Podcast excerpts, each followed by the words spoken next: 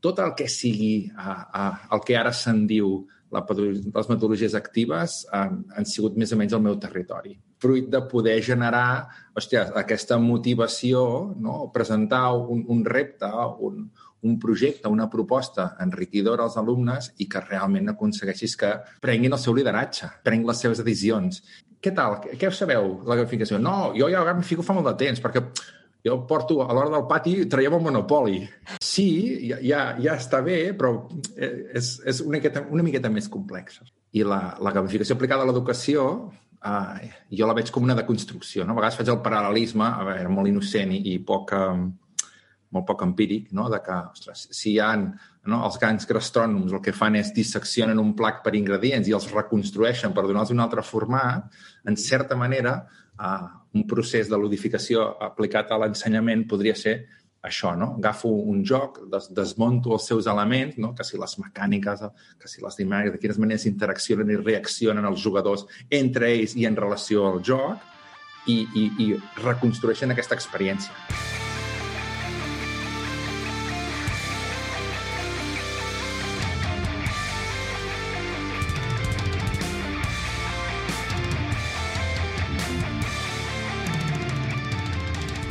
Hola, com esteu? Benvinguts i benvingudes a Connecta amb Dani Amo, un espai on hi parlo d'humanitat, privadesa i tecnologia en un nou any 2021 després d'un 2020 farcit de converses amb moltes persones interessants. Soc conscient que vaig acabar de publicar episodis molt aviat al 2020, per allà a principis de desembre vaig aturar la publicació i que enguany arrenco un pèl tard, però a vegades el volum d'accions que haig de fer fora d'aquest podcast, sobretot en recerca, m'ha portat a publicar amb una mica de retard. Si m'ho permeteu, arrenco amb força i ho faig amb una conversa sobre ludificació o gamificació junt amb en Cristian Negre. Cristian és un referent en qüestions d'educació ludificada i jo he tingut la sort de veure'l en acció en una tarda on tots dos impartíem tallers, ell doncs de ludificació eh, participativa i animada i, o pràctica i, i jo pues, amb coses més teòriques. És fascinant veure'l com la seva passió eh, porta els participants dels seus cursos, tallers, formacions a un estat d'eufòria i a la vegada d'aprenentatge. Amb en Christian, doncs, parlem de l'edificació, què és, què no és, i també del seu darrer llibre amb en Salvador Carrión, Desafío en el aula, manual práctico para llevar los juegos de escape educativos a clase. Sense més dilació, us deixo una conversa absolutament educativa i potser lúdica. Cristian, bon dia. Bon dia. Com estàs? Aquí, noi, aquí. Co coses, accidents d'última hora. Bueno, tot i així ens he aconseguit arribar 3 minuts tard. Ah, està, està bé, està bé. Tan intens, eh? Vull dir, encara que vaig dir de 8 i mitja a 9 i mitja, tenim, tenim molt de temps, vull dir que quan ens sentim còmodes tallem. Normalment les, les converses pues, pues, donen això, una horeta, que donen, donen molt de joc i a més a més donen per deixar una segona part, no? que també està bé doncs, tornar-nos a trobar i sempre fer un, una seguida no, no. del que comentem. Home, la veritat és que he escoltat molts, eh? Vull dir, em fa moltíssima il·lusió perquè dels teus capítols, eh, ostres, n'hi ha molt que ja n'he pres moltíssim. Vull dir que quan m'ho vas dir vaig dir, hòstia, quina il·lusió, no? Perquè, clar, tio, tens aquí cada persona que té la marinera. Dir, tens referents de país. Per, per mi són referents de país, eh? No estem parlant ja d'àmbit cultural o, de, o, de, o professional, sinó que, ostres, és, és molt xulo, tu. Gràcies, Cristian. Escolta, de fet, feia molt de temps. De fet, ja t'ho vaig dir. Escolta'm, Cristian, anem a, anem a fer algun enregistrament uh, i sobretot el tema de gamificació, que és el, que és el teu fort. No? I ara que has uh, publicat llibre, no? publiques llibre uh, junt amb molts altres docents, no? però mà a mà amb en Salvador Carrion. I dius coses molt interessants. Tanmateix és un llibre sobre jocs d'escapament, que també doncs, farem, farem referència. Eh? Um, no no l'he pogut llegir perquè he tingut eh, unes setmanes de, de bogeria, però el tinc en el meu Kindle esperant a que uh, tingui aquest moment de, de, de, de, de, de paciència i de, i de lectura no? entre filles, bueno, ja saps què, què vull dir, no? quan tens família, doncs les coses es, es, es compliquen i, i, i no hi ha tranquil·litat.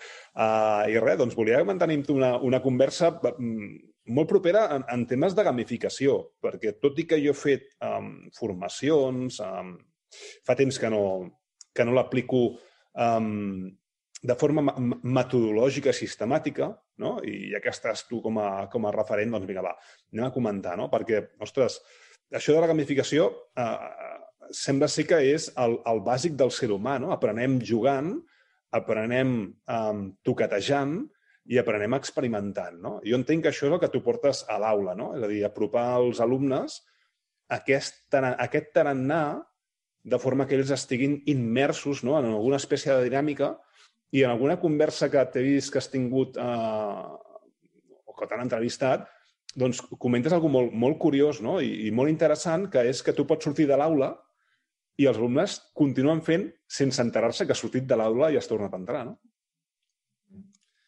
Sí, bueno, és, és una de les coses que sempre he explicat des de fa molt de temps, no? Que, però bueno, que, que això no és fruit de, de, de la gamificació o ludificació, tal com s'hauria de dir, sinó jo crec que és fruit de poder generar hòstia, aquesta motivació, no? presentar un, un repte, un, un projecte, una proposta enriquidora als alumnes i que realment aconsegueixis que, bueno, aconsegueixis la part implicada, el percentatge altíssim ve d'ells. Eh? Vull dir que tampoc ens pensem que som aquí la, al centre del món, no? Al contrari. Vull dir que aconseguir que ells prenguin el seu lideratge, no? prenguin les seves decisions. I, I el que sí que he vist, poder pel meu bagatge personal, és que, ostres, en, una, en un entorn lúdic um, hi ha moltes oportunitats i és això, vull dir, jo, jo porto ja, des de que treballo, ja porto 20 anys a la docència, a diferents etapes educatives, i, i sempre he utilitzat els jocs, uh, a vegades inconscientment, com a, com a element per intentar això, cridar la seva atenció i, i, i procurar que ells prenguin les seves decisions i es converteixin en protagonistes, que és el que realment crec que és significatiu. No? Clar, no? I, i, i que vegin doncs, que els estudis, el que estan aprenent, doncs, ho, ho poden accionar, no? perquè a vegades és molta teoria ja està allà i, i hem d'aconseguir doncs, que ho accionin d'alguna forma que li trobin significat. Clar, tu portes 20 anys de docent, això són, són molts anys, no? Qui, quan va ser el moment que vas dir, ostres, va, em dedico a això de la, gamifica, de la ludificació, va, anem a, anem a donar-li el, el, el mot català, que és el que toca, no? Tu, tu, hi ha algun moment que tu, tot i que portis a la sang, no? i també tens un blog, no? i tu et fas dir Apple Jux, no? i el, el teu blog, deixa'm dir la, la, la direcció, és a applejux.org, no? a p p l e j u x.org, uh, i allà expliques moltes coses i també veig que fas consultoria, no? Has iniciat com aquí un, un servei al, al, al docent, no?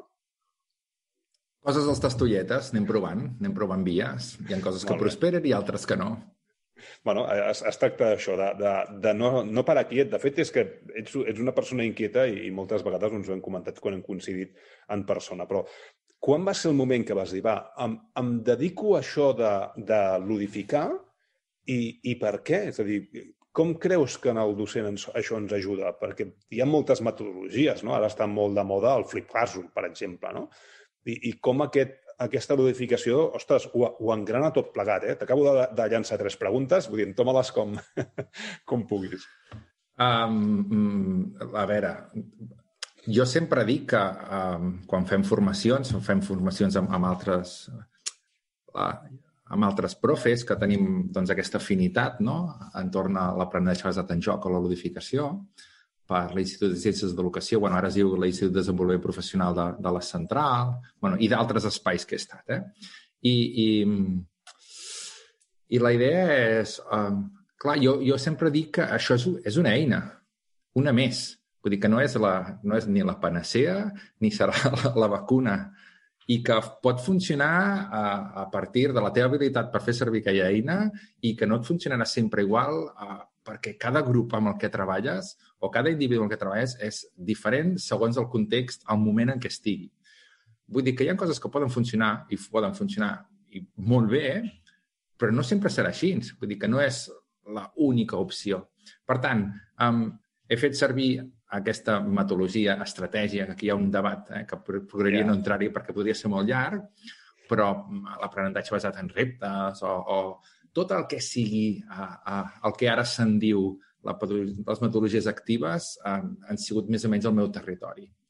Va ser l'Oriol Ripoll, bueno, de fet va ser la Fundació Jaume Bufí, fa uns quants anys enrere, ah, jo no, diria, quan, sembla que devia ser principis dels, ah, no sé, 2010, 11, o no, no, no recordo exactament. Van demanar a veure quins docents estaven fent com una mena de banc de recursos de bones pràctiques i havia, ens proposaven um, uh, enregistrar uns petits vídeos en el que expliquessis alguna cosa que et funciona, no? per, per crear comunitat, per intercanviar, uh, intercanviar experiències, en resum. Total, que vaig enviar tres o quatre pràctiques eh, molt senzilletes d'aula, coses super eh, analògiques, eh? Vull dir, eh, una leaderboard, era el, el PBL típic de tota la vida, points baixes de leaderboard, no? Els rànquings amb puntuacions i, i, i, i insígnies, eh? o avatars, digue-li, bueno, no és el mateix, però s'assembla. Total, eh, els vaig enregistrar i vaig passar. I al cap de dos o tres anys, o, o un o dos, una vegada rebo una trucada de l'Oriol Ripoll o un correu electrònic, escolta, mira, que estem intentant fer això en el MACBA, unes xerrades, a... no recordo ni com es deia ara. Total, cada cop i volta em vaig trobar no? amb un equip de tres o quatre persones de la fundació, mira, que farem això i tal i qual, i allà va ser on vaig conèixer en Nacho Maté, que és com un, un soci amb el que pues, hem treballat junts des de fa molt de temps, i, i allà va ser quan vaig dir, ostres, ah, carai, sí que genera interès, no?, tot això. I eren cosetes que jo havia anat fent, però sense, vull dir, sense donar-li molt de, molt de, molta atenció, no? Eren el que tu te dic, no? Pràctiques que et sortien pràcticament innates del teu tarannà, bàsicament. Mm. Va ser més o menys en aquell moment, eh? Va ser en aquell moment ah. en què vam dir, ostres, anem a intentar sistematitzar-ho, no? I intentar, a, a veure, i ser una miqueta científics dins de l'àmbit. Mm -hmm. Clar, això ho has agafat com a experimentació, però hi, hi ha molta gent que, al final, els seres humans el que fem és categoritzar la, la informació, buscar taxonomies per tot, no? I en educació, evidentment, doncs, tots els mètodes o models, o al final ja no saps què són, no? Si tècniques, estratègies, models, mm, què són, no? Uh, clar, la, la ludificació, al final, no té origen uh, en educació, sinó que té origen en el món dels negocis o, o fora de, de, de, de l'educació, no? I s'entén com allò que és les tècniques de joc aplicades en entorn no de joc, no? la, la ludificació educativa. No? Però és que hi ha un munt de tècniques. Tu n'acabes de dir eh, tres o quatre en, en, en un moment. No? Um, com un docent que, que comença en això ha d'entendre la, la, la, la ludificació? No? És a dir, si jo agafo i començo a donar punts per fer activitats i faig un rànquing, això ja és ludificació. Si faig un Kahoot, no? Que tothom diu, no, és que jo gamifico l'aula i faig un Kahoot. bueno, és que potser això no és gamificació, no? Com, com situem aquest, aquest concepte dins d'educació i, i com el desgranem? Home, jo, jo he arribat a tenir respostes molt divertides, eh? De, de, de... Allò de, vinga, va, a veure, que no, això que fas com una petita evolució inicial, a veure, davant de qui estic, no? Cristian, vine a fer una tal, d'acord, d'acord. No? I clar, a mesura que em vas fent també vas aprenent tu d'anar fent xerrades i, no? I dic, a veure, i eh, passa el que passa, com en totes les modes i, i tots els conceptes, no? En el moment en què la premsa generalista es posa entremig, les coses es banalitzen, no? I, i, i es simplifiquen i tendeixen a perdre valor fins que acaben esveint-se. De fet, ara, en, en el món de la gamificació, que va tenir com un auge molt gran a nivell empresarial, eh? a, a principis dels, uh, jo què sé, a principis sobretot del, del 2010, 11, 12 i així, que van sortir doncs, molta biografia, sortien moltes empreses, en queden molt poques d'aquestes empreses que realment, enfocades en, en l'àmbit professional, uh -huh. de consultories, en queden poques. No ha quedat clar no, que realment allò que ens venien, que era absolutament fantàstic, doncs ha acabat prosperant. Um, torno on estava. En aquestes xerrades, que dius, ostres, doncs mira, què tal? Què, què sabeu, la gamificació? No, jo ja gamifico fa molt de temps, perquè jo porto a l'hora del pati, traiem el Monopoli. No? I... Clar, estic aplicant un joc de taula, no? per tant estic jugant, no? Aquest és el concepte. Correcte, no? I dius, ostres, sí, ja, ja està bé, però eh, és, és una, miqueta, una miqueta més complexes, no? Hi ha com una, una escala d'aprenentatge que, que, que nosaltres parlem també, um, i, i, i, i la, la gamificació aplicada a l'educació uh, jo la veig com una deconstrucció. No? A vegades faig el paral·lelisme, a veure, molt innocent i, i poc, um, molt poc empíric, no? de que, ostres, si hi ha no? els grans gastrònoms el que fan és disseccionen un plac per ingredients i els reconstrueixen per donar-los un altre format, en certa manera, uh, un procés de ludificació aplicat a l'ensenyament podria ser això, no? Agafo un joc, des, desmonto els seus elements, no? que si les mecàniques, que si les dinàmiques, de quines maneres interaccionen i reaccionen els jugadors entre ells i en relació al joc, i, i, i reconstrueixen aquesta experiència. Però no és la ludificació com a, com a definició una acció de joc. O sigui, no és jugar. Per tant, eh, és un límit que pot arribar a ser pervers si no s'utilitza adequadament. I algunes vegades eh, ja ha arribat un moment que de tant en tant hi ha alguna escola que mira, ah, que, vols venir? M'ha passat ja dos o tres vegades. De, ostres, ens caldria falta, ens aniria molt bé que vinguessis com a consultor, cosa que dius, bé, bueno... Eh, ho dius okay. tu, no? tu, tu, ho dius tu, jo vindré. I els fregats que et trobes sempre és que, mira, vam començar això, vam començar a donar punts ah, i no sé què, i ara no sabem com sortir-nos, no? S'ha generat tota una dinàmica conductista en la que has acostumat en els nanos a fer una acció esperant aquella recompensa, no? Llavors, aquí, o sigui, sortir d'aquest context pervers ja és molt difícil. Mm -hmm. És que no es donen en compte que moltes vegades a, a, la, la ludificació té una vessant conductista molt bèstia, és a dir, al final és, és, és, és conductual i els alumnes el que faran és hackejar el sistema, és a dir, intentar donar-li la volta i portar-se'l cap al meu àmbit i coses que no havies pensat que de cop i volta et destrueixen tot allò que tens al cap, no? perquè eh, conec a molts docents i moltes docents doncs, que diuen, i m'expliquen eh, com, com han gamificat. No? Sí, perquè jo he fet la història de l'heroi i aquí passarà això i aquí espero que no sé què, i espero, espero, espero, dic, ja, ja, tu esperes molt, però és que els alumnes són molt llestos i són molt, eh, no sé si intel·ligents, eh, però molt llestos i molts vius ho són, no? I te les, se les embusquen totes i et donen la volta i aquelles normes que tu havies pensat eh, perquè passés tal cosa són tan ambigües que li donen la volta. No? Mm. Amb, amb la qual cosa, objectius clars, eh, idees clares i també doncs, aquesta part de um, inventiva o d'interpretació no? de, com, com t'hi diré jo ara? És a dir, de, de que puguin ser capaços de sortir-se'n i crear el seu propi camí. No? Jo almenys la, la ludificació la, la veig d'aquesta forma. Eh? Um, el que jo no... Una de les... Una, perdona que t'atalli, eh? Sí, sí, digues, una, una, una de les... Um, una de les crítiques no, que, que veus, sobretot a cossos docents ja de secundària, no? jo treballo primària, també treballo secundària i faig formació a professional, no? però moltes vegades quan treballes amb, amb gent de professional, de, de, ai, de, perdó, de secundària, um, ostres, que, doncs en teoria, no sé, eh, dona la sensació de que um, estan més, més uh, mm, connectats amb, amb, amb el que passa a la realitat. No dic, no dic que sigui general, eh? Vull dir mm. que ningú es confongui. Ja, exacte. Però han sentit eh, el concepte de gamificació, doncs, perquè poder treballar amb adolescents no? I, i, i veuen que, ostres, és que aquest nen no m'està rendint perquè està tot el dia connectat al, al Valorant o al, o al Fortnite, no? i la culpa és d'aquests jocs, no? I, i directament, pam, pam, pam, i senten gamificació i relacionen amb coses totalment dolentes, no? I, i, i poden arribar, puc arribar a entendre que es pensin que el profe que, que uh, utilitza la ludificació tingui com una certa mala uh, uh, sigui, uh, ho, ho associa a conceptes dolents perquè les empreses no, fan aquests sistemes perversos perquè tu et passis més hores allà i acabin xuclant tota la teva informació. Però jo, sincerament, crec que és més perquè, ostres, no en sabem més no? el que tu deies, no? ens posem, ostres, sentim això de qualsevol manera, oh, mira que xulo, no? et deixes impressionar per un operador bonic, no? ara està tot ple de vamos a gamificar, no? I, i tu, tu mires una miqueta de detall i dius, ostres, de Déu, oh, perdona, eh? però és...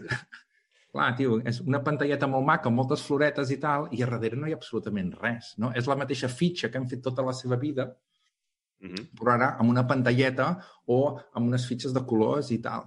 I dius, ostres, no anem bé. Mm. Per tant, entenc que hi hagi molts de profes que ho vegin això com una... Ostres, no? És, és com un atac a la nostra, a la nostra essència, no? a la nostra puresa. Sí, no, a veure, s'ha posat molt de moda ara utilitzar el, el Genially, no? El Genially, bueno, és, és l'eina number one en, en fer gamificació. És a dir, si tu fas l'edificació a l'aula, eh, has de fer servir Genially, no? Quan hi ha moltes eines que, que no cal que siguin ni digitals i, i pots inventar, doncs, molts jocs. De fet, mira, l'Òscar de Paula, no? Uh, ludifica moltíssim i el tio també és un, un amant de, dels jocs de, de taula. No? Um, sembla ser doncs, que si ara no ludifiques, els alumnes no aprenen. No? I també hi ha una vessant molt crítica, com dius tu, no? que si els estan aprenent jugant tota l'estona, després no seran capaços de revertir aquesta actitud no? De recompensa, de coordinació, socialització uh, lúdica, no? I, i que diuen que, doncs, que s'ha de separar molt bé el que és l'oci de l'aprenentatge i que les dues coses juntes doncs, doncs no van de la mà. Penso que, que a vegades ens passem, no? perquè de cara a la galeria doncs hem de fer veure que fem moltes coses no? i molt xules, però a vegades això és contraproduent dels alumnes. No? Jo no sé si t'has trobat algun cas que aplicant l'odificació se t'ha complicat la vida amb algun alumne o l'alumne s'ha quedat allà eh, encallat en aquestes accions conductuals i sempre doncs, doncs, doncs espera, no? Espera que hi hagi um, aquesta gratificació instantània, no? que es basa en això, la ludificació. Al final es basa en, en que la retroacció o retroalimentació que li puguis donar a l'alumne no sigui al cap d'un trimestre, sinó que sigui eh, en petites dosis no?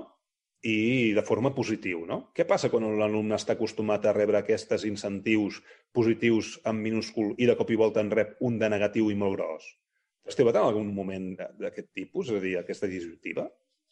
A veure, um, m'he trobat, amb, evidentment, eh? Ostres, que és el que a vegades hi penses, dius, és que fa molts anys que fas coses d'aquestes, no? I sí, hi, hi ha algunes anècdotes que explico, i ara te n'explicaré alguna, que jo trobo que és molt xula, no? Que, per sort, mai han arribat a, a ser greus, tot, i, tot i que uh, uh, faig modificacions que s'allarga durant tot un curs, i això és l'últim que tu desitjaries, no? Mm -hmm. Perquè el, el que sempre proposem en les formacions és uh, uh, comença petit, no? Fes una petita prova, no te compliquis la vida, genera una bona experiència, genera una experiència per tu, per als teus alumnes, i d'aquí un temps ens hi tornem a posar, no? Perquè no, perquè jo he vist aquí los superhéroes de no sé què, los no sé cuántos de no sé qui, saps? Allò, pim, pam, pum.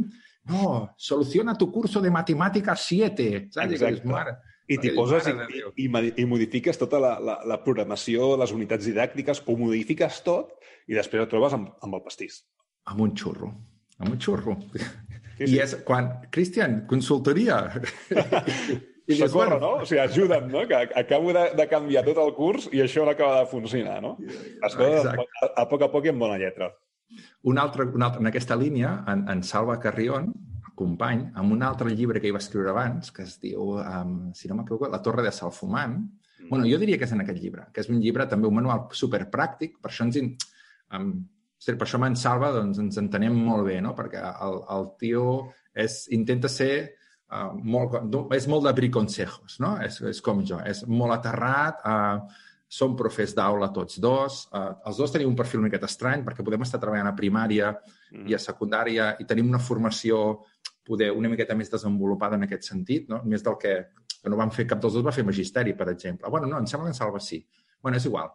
Um, i, i, en, I en Salva, en, en el llibre aquest, uh, comenta que, ostres, en, en el món del joc, en el disseny del joc, hi ha una cosa que es diu game balance, no? que és, que és has d'intentar que tots els participants doncs, tinguin alguna mesura per compensar la diferència que generen entre ells. De fet, en el Mario Kart, per exemple, no? que suposo que no sé si... Bueno, Mario Kart és un joc de sí, carreres. Sí. sí, sí, ok. Doncs uh, hi ha aquella petita estrella que només acostumen a obtenir els que van als últims. Per què?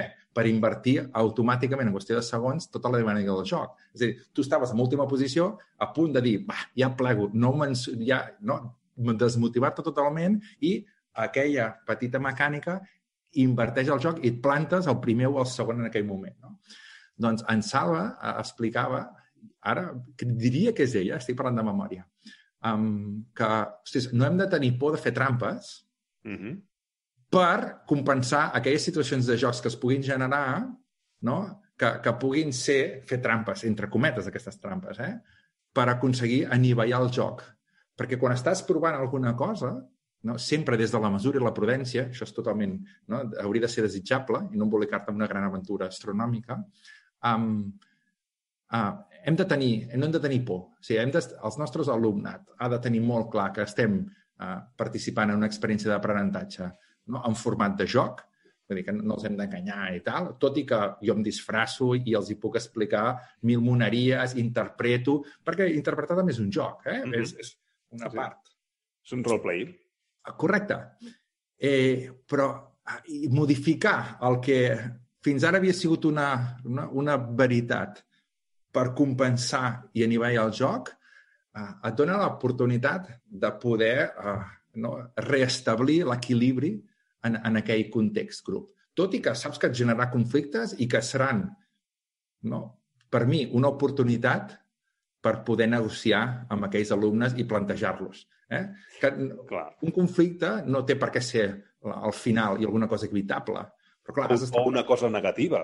Correcte. És una oportunitat de gestió. Eh? És una cosa que a la vida real, per desgràcia, ens acabarem trobant. Ens acabarem trobant. És així. Um, tanmateix, i en educació, potser sí que val uh, la pena preparar aquestes trampes, perquè no és el mateix que et desmotivi un joc que pots uh, desendollar quan vulguis i te n'oblides i fas una altra cosa, però educació, i més en educació obligatòria, no pots desendollar i, i oblidar-te'n tan fàcilment. No? Per tant, desmotivar un, a un estudiant, ostres, és la pitjor cosa que pot, que pot succeir. No? I um, aquests, aquestes persones que fan servir el, el Kahoot no? com a eina ludificant, al tanto, eh? perquè la puntuació del Kahoot també pot fer molt de mal.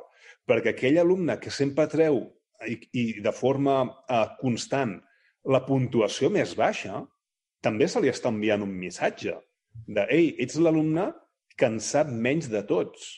No? Amb la cosa també s'ha d'anar en compte amb aquestes coses. Eh? Vull dir, posar un Kahoot no és ludificar, i al tanto amb quines tècniques del Kahoot fas servir perquè llavors a, a, sobre et sortirà, et sortirà rara. Eh? Vull dir, la competitivitat sana està molt bé dins de la ludificació, però a vegades fas servir eines i recursos que no toquen. Mira, i un exemple, quan, quan jo també eh, vaig ser professor de primària i secundària, estic a la universitat, i en matemàtiques, per exemple, ens trobàvem doncs, que, ostres, és una assignatura dura, no? i en tercer de l'ESO doncs, que ja té uns, uns continguts i uns coneixements doncs, complexos no? per, per aquestes edats, depèn del que estàs tocant. No? Um, vam, vam incorporar uh, les insígnies. Eh, senzillament, les insígnies. Eh? Vam començar amb això. Ostres, va ser tot un èxit, perquè aquelles insígnies que no s'esperaven, que no vam dir que hi havia insígnies en el curs, però que si arribaven, per exemple, a resoldre 25 exercicis, rebien una insígnia, això va despertar unes ànsies de um, resoldre els exercicis, que és el que volíem aconseguir. Després ja vam atacar la, la necessitat de resoldre els exercicis bé, que n'aprenguessin, etc. Eh? Però volíem despertar la pràctica d'exercicis. Tot un èxit. Llavors, 25, 50 exercicis, 100 exercicis, eh, i anaven aconseguint petites insígnies que els feien doncs, els màsters de, jo què sé, dels números reals, els màsters de les integrades, coses d'aquestes, no? Uau, és a dir, eh, va ser tota una revolució, no? A més a més, teníem el, el Moodle i podíem fer aquestes coses de forma automàtica, no? Petites cosetes d'aquestes fa que l'incentiu dels alumnes eh, s'incrementi uh, sobre manera i no cal uh, fer tota la parafernàlia. Ara agafaré la Mongas, que està de moda, no?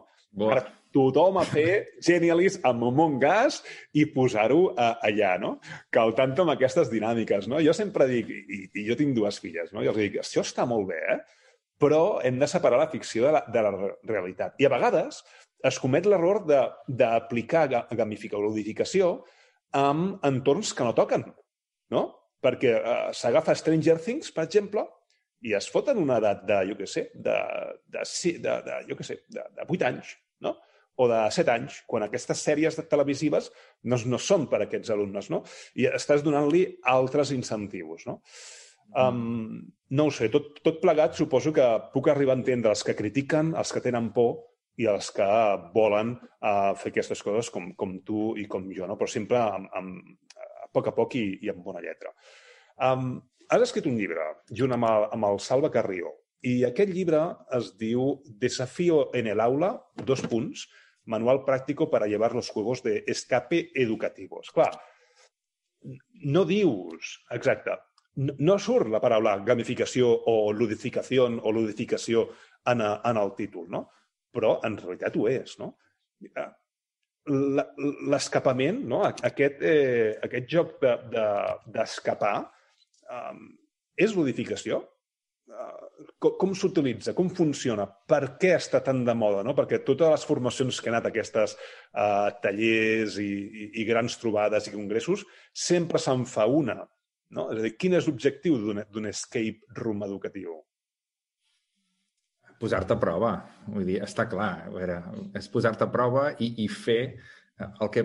A veure, jo crec que el, amb Miquel Àngel Prats, que va estar aquí amb tu també, que Sí. també va ser, un, va ser un capítol també superinteressant. El Miquel Àngel és un referent per mi, eh? Bueno, sí, sí. Total, bueno, li vaig fer arribar una còpia del llibre també, evidentment. Molt doncs ella em va convidar també fa uns quants anys enrere a l'IT World Edu. Em sembla que va ser el, deu, el seu desè aniversari.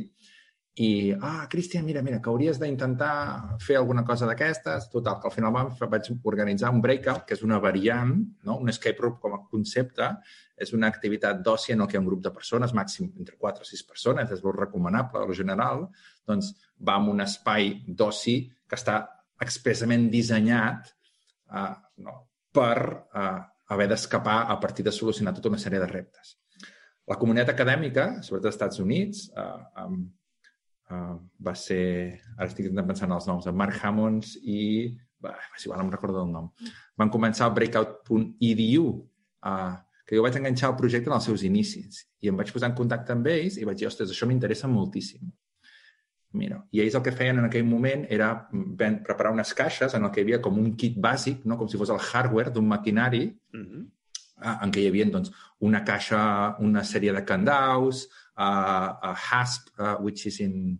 Uh, HASP és una, una, en castellà es diu Aldava, és com una Mm. mena de tancament en què hi pots col·locar-hi molts de candaus. De fet, és una peça industrial de protecció de les màquines de seguretat a la que han de compartir, no? de grans màquines. La, la marca és aquella, com es diu la marca? Ostres, quin desastre sóc amb els noms, eh, de veritat, que a l'edat A mi em passa igual, eh? No, no. Ai, per favor, tio. Uh, total. Que ells venien això i, a part, a partir d'aquest joc, el que feien era doncs, dissenyar eh, activitats, o sigui, com si fos el, el, el cartutxo de la Game Boy, no? El, els jocs que, combinant els dos elements, podies recrear aquella experiència de joc en una aula. No va ser com la versió eh, educativa, l'adaptació, l'evolució de les escape rooms a dins de l'aula. Um, ah, el concepte vaig trobar genial, absolutament genial. O sigui, una vegada tenies aquell material, podies reproduir-lo i utilitzar-lo per fer molts de jocs.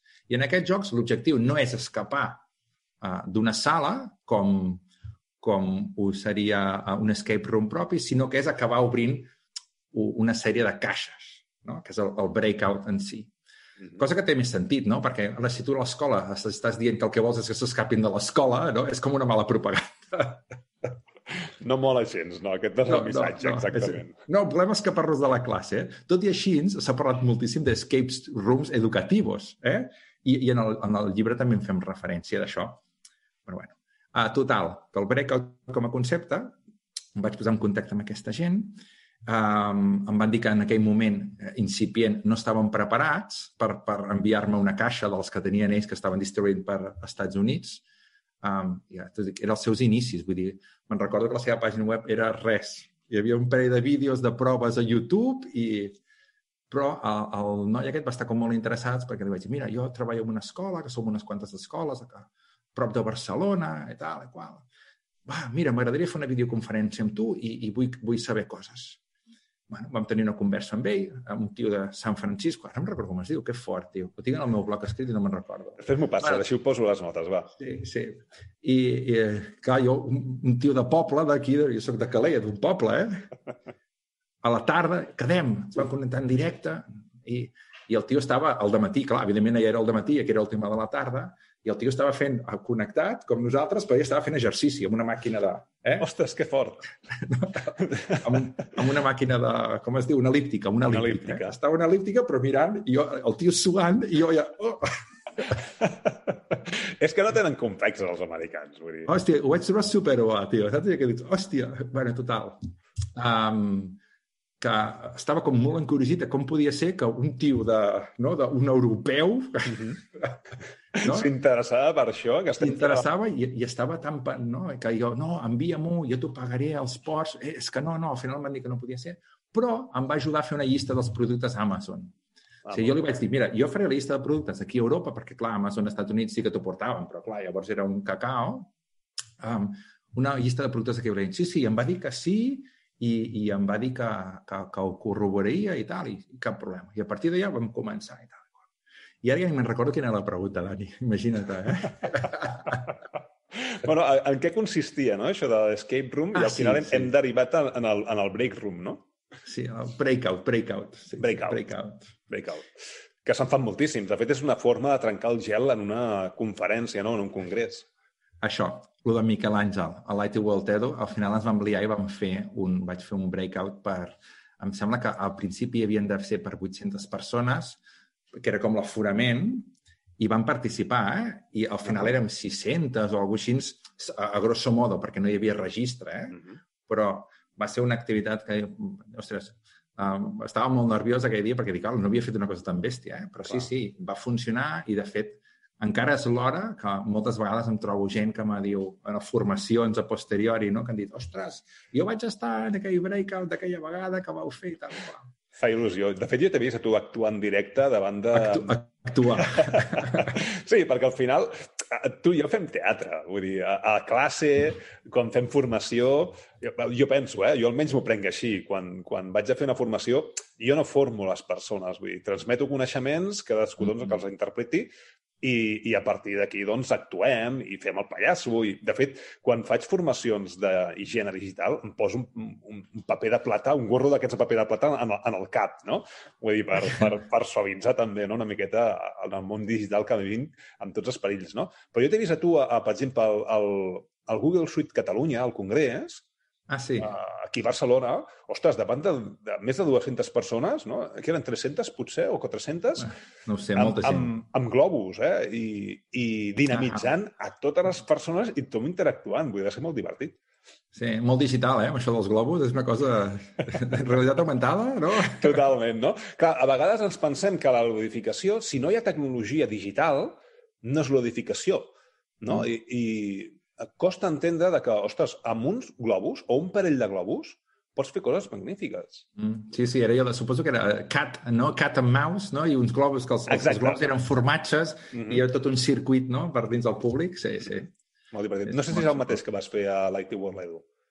No, no, no, això no tenia res a veure. Això eren unes caixes i la gent s'havia d'aixecar i fer símbols per trobar no, amb, amb qui anaves tu i havien de fer combinacions de números i al final arribaven, pujaven a l'escenari on hi havia una persona que els donava el vistiplau, pujaven a la caixa, havien de provar uns codis a veure si obrien i això va ser en 20 minuts, eh? van mobilitzar allà 600 persones. Tio, Imagina't, pim-pam. Sí. I, en el, i, i l'any següent, l'any següent vaig anar al, a Madrid, el, com es diu el de Madrid? El Simo. El Simo, també, sí. Sí, que és, és com el, el Construmat, però de l'educació, mm -hmm. no? però, però a Madrid, en allà. I també em van posar a l'escenari en allà, mm, I vinga. diguem, el gran, per dir-ho d'alguna manera, i, i, i també hi havia una pila de persones i també vaig liar un pitot en allà que... Bueno, va, ser xulo, va ser xulo perquè després, sense que jo ho sapigués, en, en Santiago Bustamante, que és el de Fallo del Sistema, de Ràdio Nacional d'Espanya, el Ràdio 3, un programa que fan que jo no el coneixia, el tio uh, va venir, jo no coneixia el programa ni em veia en aquell moment. Uh, ostres, que ten, uh, Cristian, que hi ha una persona que vol parlar amb tu, que és un periodista de la ràdio i tal. Ah, molt bé. Però jo estava ja parlant amb la gent i tal i qual, i l'estava fent esperar perquè, però, perquè m'estava acomiadant de gent de Madrid que coneixia, que havíem estat parlant mm -hmm. i tal i qual. I, i el tio m'asseu i tal, oh, mira, i vam començar a tenir una conversa, ostres, super profunda, saps? I dic, hòstia, aquest tio, a veure, qui és, no? No? Aquest tio en sap moltíssim, no? Perquè jo que comences a dir... No sé per què van aparèixer quatre conceptes no? teòrics, així, no? alguns noms de referents en, en el món de la teoria, i el tio coneixia tot i tal i qual. I després vaig descobrir, hòstia, en Santiago Bustamante. Dic, joder, tio. Periodista com els pocs que n'hi ha. Clar, a veure, que tota aquesta gent està super, super informada. Eh? Clar, nosaltres això en, en, ho interioritzem no? I, i, ho, i ho portem dins. I, I per això suposo que, que, que ens entenen com a referents, perquè portem molt de temps fent aquestes petites pràctiques. Hem fet allò que, eh, que, que, que a vegades no es fa, és dir, tenir paciència. No? I en educació es tracta de, de tenir paciència. El que passa que és, que és cert, eh? és a dir, tens unes persones allà doncs, que vols que aconsegueixin un, uns certs objectius i, i és important que aconsegueixin aquests objectius i et planteges quina és la forma més ràpida perquè els alumnes eh, ho aprenguin més o aquest alumne que té certs problemes doncs, que els pugui superar. No? Um, ostres, cal paciència en educació. Educació és comunicació i, i cal que vagis construint, que vagis uh, moldejant d'alguna forma doncs, a, a aquestes actituds. No? I la glorificació està molt bé per engegar no? a certes actituds, però clar, quan en una escola et va passar amb el Kahoot, per exemple, el Kahoot pot ser molt innovador i molt disruptiu, però quan tothom fa Kahoots constantment, en totes les hores, la innovació se'n va vendre una miqueta pel sac, no? Clar, amb la, amb la ludificació pot passar el mateix, no? És a dir, Correcte. llavors, eh, molta ludificació, al final els alumnes poden pensar, "Ah, escolta'm, ja en tinc prou d'un Among Us, un Stranger Things i un no sé què amb el Genial i amb el Kahoot de turno, no? No sé si t'ha passat a, a, això, eh? alguna actitud d'un alumne que t'hagi dit si us plau, que ja n'hi ha prou de, de, de tanta història. Cada vegada, cada vegada que apareix una eina uh, sobre, amb el Kahoot va ser una cosa, va ser una cosa Però, a increïble. més a més, el, el Kahoot era disruptiu. És a dir, tu sabies que feies un Kahoot i a la següent hora el següent professor no podia Feia un donar altre? O feia no, un sí, altre. sí, sí, jo en feia un altre. O sigui, jo me'n recordo a, a la meva escola i im- imagino que a, a la gran majoria.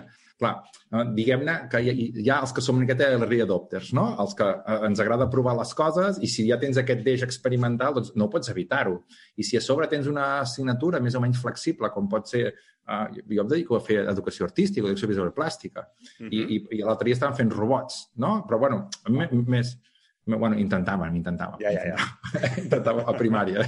No ens precipitem, no ens Bueno, precipitem. Ostres, jo cinquè, sisè de primària fent robòtica he fet coses espectaculars. De fet, amb, amb Que sí, alumnes sí. de, de sisè, programant Python, vull dir, unes màquines. Bueno, jo, molt lluny. Va, bo, borra tot això final perquè... No, home, en aquest, en aquest país, ostres, ja, ja tenim, tenim gent tan bona, tio, en aquest sentit, però tan bona, tio. És increïble. I en, el- i, i en el món de la ludificació, l'aprenentatge de joc, igual, eh? Sí. És que som referents. O sigui, a, jo, a mi m'han trucat de...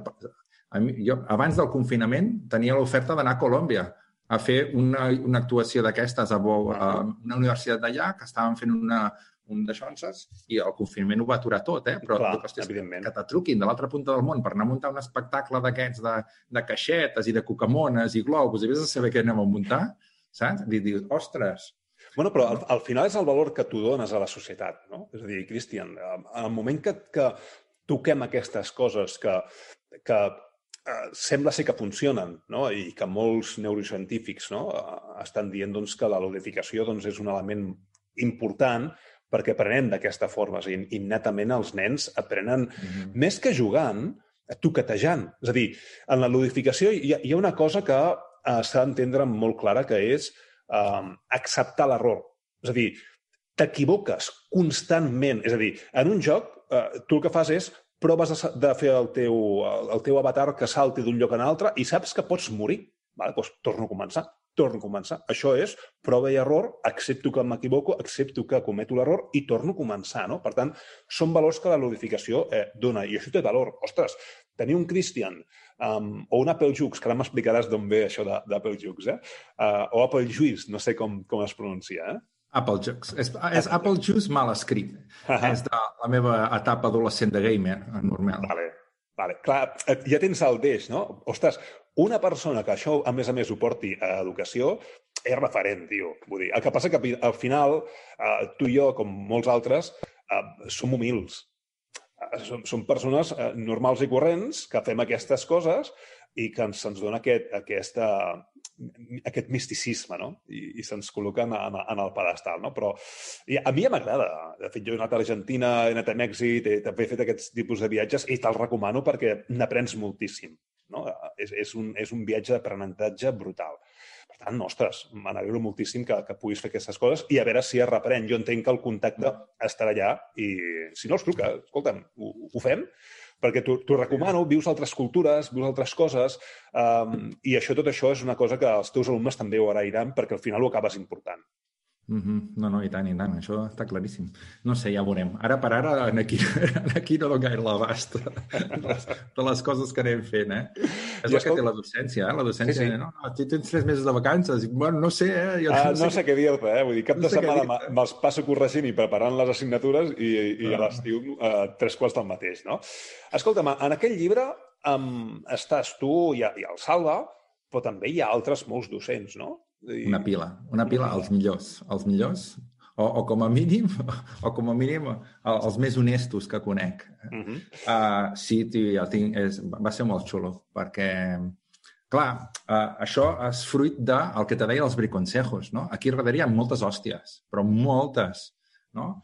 La perseverància com a element característica del fet de jugar. Tu abans parlaves de ludificació. Jo crec que és més important parlar de joc, eh? perquè la ludificació, i et recomano moltíssim l'últim llibre que ha escrit en Flavio Escribano, Homo Alien, llegeix-te perquè és, és, és, és una delícia en certs conceptes, en certes...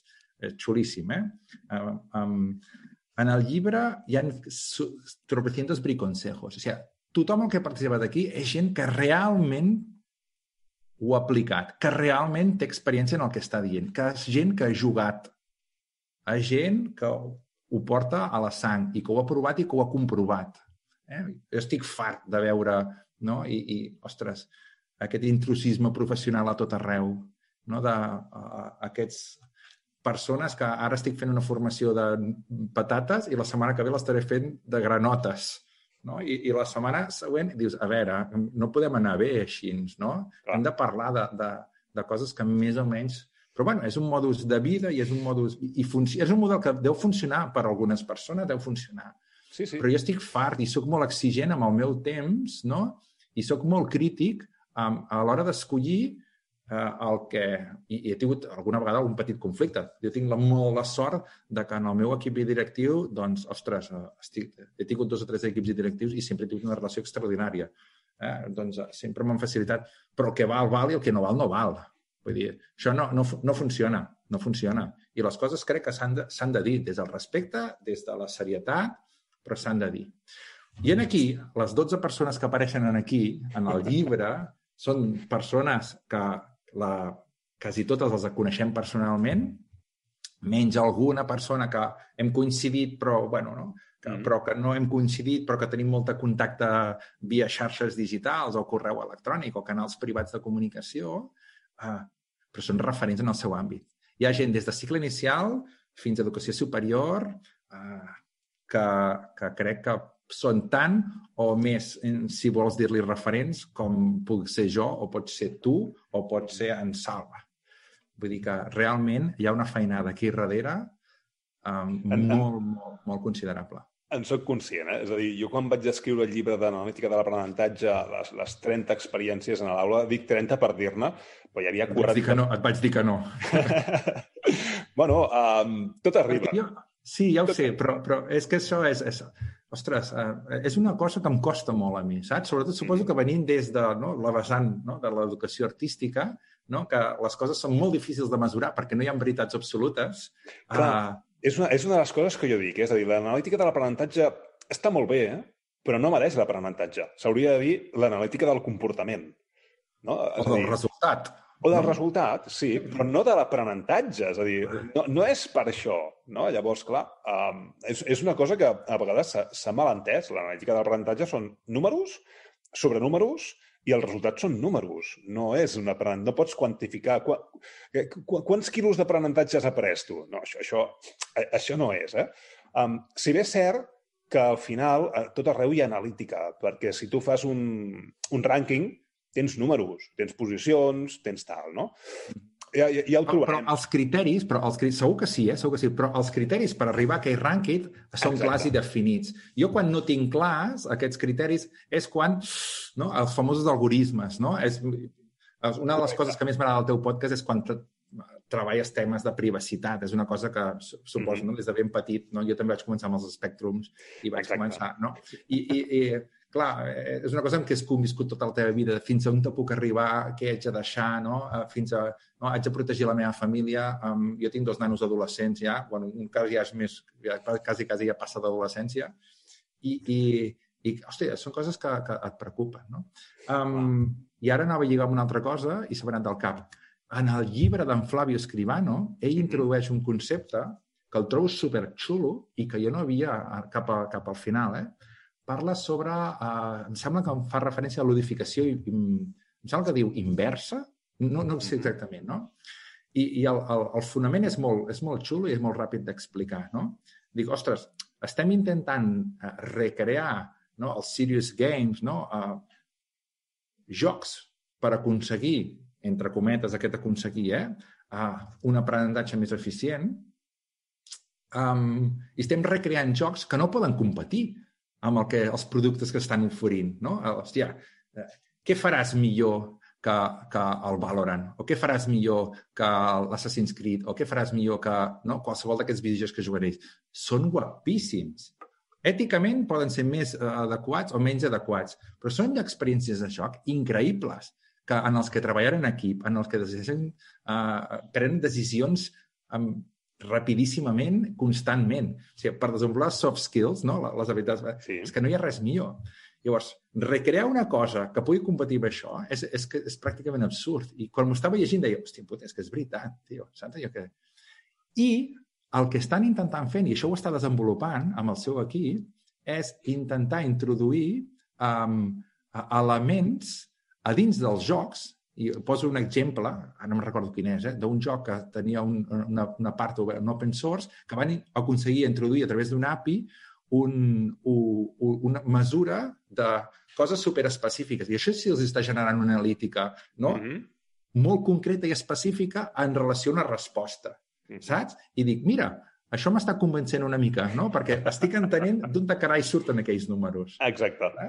Clar, és que en, en realitat ens passem tota la vida analitzant coses. I com a docents encara més. És a dir, i sempre posem mètriques i posem indicadors, no? És a dir, ostres, el papito que se m'està aixecant massa estona. Una, una vegada més i, i, i ja és indicador de que, de que s'ha d'anar uh, fora de classe perquè està molestant i coses d'aquestes, no? per posar un exemple molt, molt senzill. No, no m'agrada gens, aquest exemple. Exacte, exacte. Però es fa es fa perquè els nens han d'estar quiets a la cadira, no? Oh. Jo vaig proposar...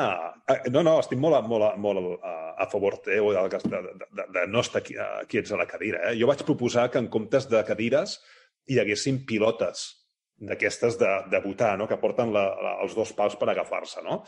Perquè jo, o sigui, jo no entenc l'educació sense moviment. O sigui, la, si tu et mous, el teu cervell Un funciona... Un tio que corre 100 quilòmetres descalç, no? Ens hem de moure, no? Ah, sí, sí. Exacte.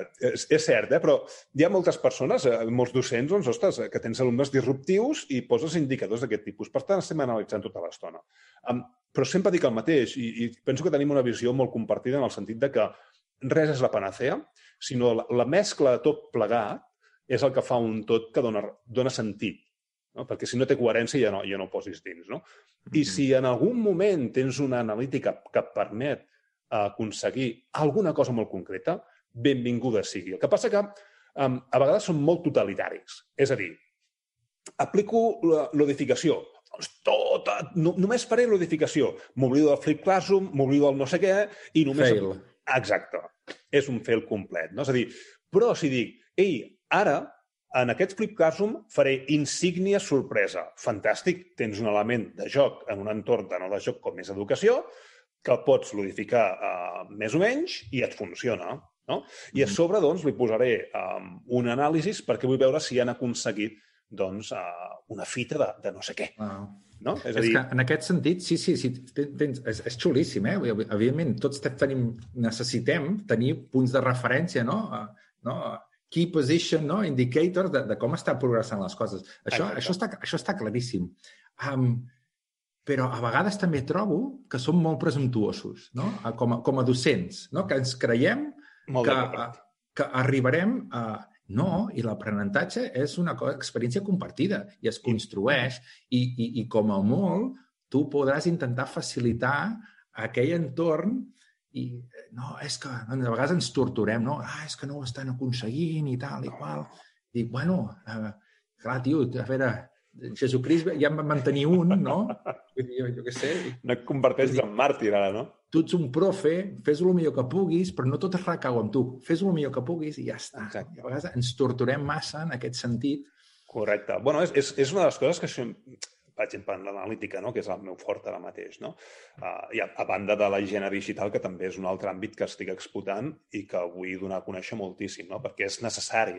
L'analítica de l'aprenentatge jo l'apropo més a un cantó humà on el docent té l'última paraula i els algoritmes doncs, són uh, el diable, no? va de retro satanàs. No? Ostres, has de ser humil. Primer, uh, has d'acceptar-te tal com ets. Fins a on pots arribar, ser humil i saber que pots, és a dir, i acceptar que pots fracassar. Sí? I que a vegades, és a dir, evidentment, si fas un canvi molt gros, el fracàs serà estrepitós i llavors sí que pots fer mal als alumnes. Però si fas canvis petitons, et dona temps de, de marge de, de, de maniobra i que l'error es pugui solucionar amb, amb, amb poques conseqüències. No? Això hem de ser molt, molt conscients.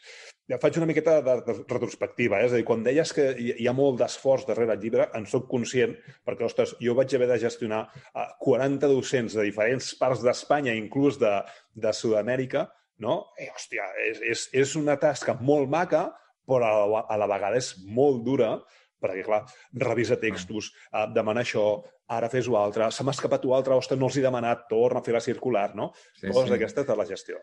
Jo, jo, jo no ho sé, eh, però jo no sé tu, però nosaltres a darrere tenim un equip de correctors i, i, un, i, un, i editors uh, que aquests ajudaven uh, en aquesta tasca, eh? però si tu has de cuinar tot tu, té la marinera. Jo vaig només, fer tot. Només en posar-nos d'acord no? amb el format, perquè és que no existeix bibliografia específica que mm -hmm. tracti aquest tema. No existeix. No n'hi ha. És que no n'hi ha.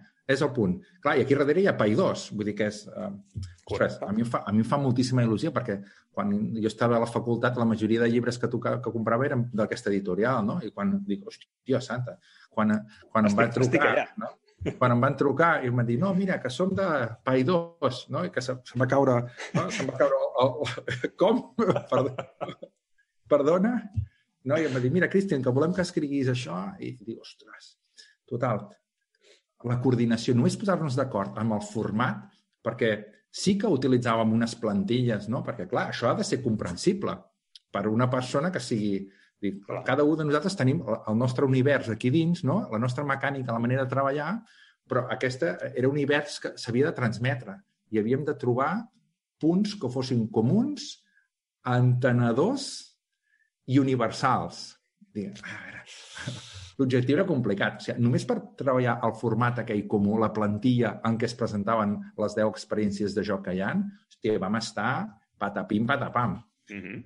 Quan, quan, bueno, quant de temps ha, ha, ha portat Cuens això? Un any? Un any i mig? Sí, sí, sí. sí, sí. Tranquil·lament. Amb, amb, amb, hi ha hagut etapes força irregulars, eh? perquè però, però bueno, sí, sí. Quan, quan hi ha gent, aquestes coses són com són. Correcte, sí, sí. Sí, perquè, bueno, de fet, nosaltres teníem un, un projecte, perquè això ho anàvem a fer-ho en Salva i jo per Verkami abans. Mm -hmm. o sigui, va ser en Salva. Mira, va ser en Salva just després d'aquell Simo que et deia que vam anar a Madrid. Sí. Que vaig anar a dinar amb ell i, i el tio m'ha dit, mira, Cristian, que hem de fer un llibre i tal, tu t'encarregues d'això, jo m'encarrego d'això i tal. I, qual, i dic, hòstia, doncs mira, vam parlar i, i ens vam posar d'acord. I al cap de un mes, no me'n recordo, va ser quan em truquen directament des de Pai 2 i em diuen, Cristian, volem que facis un llibre sobre escape rooms, no? Uh -huh. Clar, és allò que diu, hem sentit que això... Està no? de moda, no? Està de moda. I dic, ostres, doncs mira, és que jo estic fent una cosa semblant amb un altre company de Madrid i tal i qual. Diu, ai, ens interessa. I eh, els vam explicar a què volíem fer i es van ajustar a totes les nostres demandes. Vull dir que va ser superxulo, tio. Va ser superxulo. Que guai. Al final vosaltres sou els referents. I això ho, ho, hi ha previsió de traduir-ho? A veure, a veure si passa com, com Hòstia, no, aquest no, americà no de San Francisco, que ara et truquen de San Francisco per, per, per donar-te, per, perquè els expliquis com funciona això, no? No, no, no, no, no, no crec, no crec. Bastant però... A veure, és que, és que això, això és molt friqui, nani, això és molt friqui. bueno, però a, a, al final els friquis, no? Movem el món. Els friquis movem el món. És a dir, aquest interès que vas tenir tu, uh, la persona de Calella, europeu de trucar a algú dels Estats Units que està que era també algú incipient, això genera molt interès. Jo penso que mm, una proposta 2, escolta'm, ho internacionalitzem, pot ser, pot ser molt interessant. Ah, no per guanyar calés, perquè amb un llibre no es fem rics, sinó per... vull dir que el llibre, al final, és transmetre, i al tanto, eh? jo els, els llibres que jo publico, tot el contingut el tinc online. És a dir, uh -huh. per què? Perquè el, el, el coneixement és lliure. Tu, tu no pots, uh, mm -hmm. des del meu parer, eh, no pots privatitzar aquestes coses. El coneixement és lliure. Per tant, jo faig un llibre on t'ho poso tot ben maco, ben organitzat, uh, ben estructurat, i això porta una feina, i aquesta feina, doncs, evidentment, doncs, hi haurà una retribució, no? Si no, doncs vas al meu blog i ja també ho trobaràs tot, no? Jo també tinc els meus índexs i tal i qual, però el plantejament és diferent, no? Um, per tant, el coneixement és lliure. I fer arribar el vostre coneixement uh, més enllà de, de la península, del nostre país català, de la península ibèrica, d'Europa i, de, i arribar als Estats Units, Sud-amèrica, etc. Ostres, això és molt maco, tio. Per què? Perquè il·luminaràs també altres docents, no? Uh, jo Home, ara, Sí, bueno, no sé, ja, ja ho veurem. Eh? La veritat és que, ara, clar, això ja vam, ho vam acabar-ho... Uh, quan va ser això que ho vam acabar? Uh, jo diria que ho vam fer l'última entrega, devia ser cap al juliol? No, sí, l'última revisió de les no sé quantes vam fer. Ja, ja que va ser el juliol. Va sortir impresa a l'octubre, a principis d'octubre, si no m'equivoco malament, i, bueno, no sé. El que sí que sé és que he rebut profes de... Gràcies a, suposo que gràcies a aquestes coses que he anat, no? que he anat a diferents punts de la geografia, mm. pues, eh, ens arriben fotos de... Ai, mira, Cristian, foto des de... No, Tenerife s'han esgotat, o... No, t'arriba. I la gràcia també és que, ostres, que a darrere, a les persones que apareixen, eh? I deixa'm-els citar tots, perquè... I tant, endavant. Perquè, perquè són unes bèsties, i, i no, no, no em vull despistar, i llegiré amb ordre, eh? Clar, és que tots els que hi ha aquí a veure, mira, tenim la Jaione Pozuelo i en, i en Javier Barba. En Miquel Ángel Azorín. Javier Barba, que el conec. Hòstia, Miquel Ángel Azorín, sí. no? Sí, és el Flipped Primary. Sí. La Jaione i en Javier, en, en Javier és català, el vam conèixer a la primer curs de gamificurs que vam fer per la, per la i va conèixer la Hayone a través d'unes històries que fèiem de gamificació per telefònica, mm. que ja sabeu que, bueno, estan, bueno, el de sempre, sí, sí. eh? Sí, sí. Uh, I es van conèixer i se'n van anar a viure junts. I ara són família, cosa que és molt maco. A Miguel Ángel Azorín, a José Pascual, que és un profe de, de ses illes, que ara està a Girona, en Nacho Maté, uh, en José Luis Redondo, un altre referent en el món de l'aplicació la, de la neuroeducació mm. a l'aula, un dels meus, perdoneu, eh, però, però ho és, la, en, en Moisés Llorente, també de Madrid, l'Albert Parrilla, d'aquí a prop de Barcelona, l'Oriol Tutu Saus, i, i, i la Natàlia Nozalo i, i en Jan Gonzalo, de la Rovira i Virgili, que són els d'educació superior. Vull dir que tots aquests, ostres, ja remouen, pam, pam, pam, pam, pam, remouen. Vull dir que trobo que ha sigut una aliança xula, sí. perquè crac, crac, crac, crac, no? Tothom té com el seu àmbit d'acció mm. en diferents... I, però, bueno, en tot, tot i així, és un llibre d'una uh, cosa específica dins d'una metodologia minoritària, no? Vull dir que, que clar, que això no... Bueno, però al, al final uh, il·lumina, no? I això és el que, el que mereix valor. Vull dir, tot aquest coneixement s'ha de transmetre. M'alegro molt, m'alegro molt que hi hagi aquest llibre i que en vinguin molts més i que tot aquest coneixement, doncs, al final els podem aplicar, eh? però amb seny, amb cura i amb paciència, no? Que al final eh, volem menjar tant que ens empatxem d'això i després, quan tens un empatx, la cosa, la cosa es complica. Cristian, portem una horeta, una horeta fent... fent... Sí, és el temps que acostumes a fer. Exacte, sí. A més a més, ara, ara em toca fer altres, altres històries. Um, sí, tanmateix, sí. el 2021 ens tornem a trobar. Vale? Ah. Clar, perquè uh, el contrast també està molt bé. Vale? És a dir, veure com estem fent ara les noves coses, veure quina és la tendència, com estan en aquest, aquest llibre, quina acceptació, si has viatjat a Colòmbia, has dit? Sí, sí, Colòmbia era. Uh -huh. Si has viatjat, si el confinament ens deixa i, i aquestes històries. No? Al final, això es tracta de converses d'humanitat, tecnologia i privadesa. No? I aquí els hem tocat tots, tots, absolutament. No? I, Molt interessants. I, i val, exacte, i val la pena recordar-ho. Cristian, tot un plaer. Gràcies pel teu temps i... Moltes gràcies a tu i estic molt content de formar part de la teva família perquè realment, eh, ja ho he dit abans, no sé si ha quedat enregistrat o no, i si queda enregistrat, sí. Pateixo, eh? Uh, ostres, uh, per mi ha sigut... Sempre, sempre el recomano, sempre el recomano.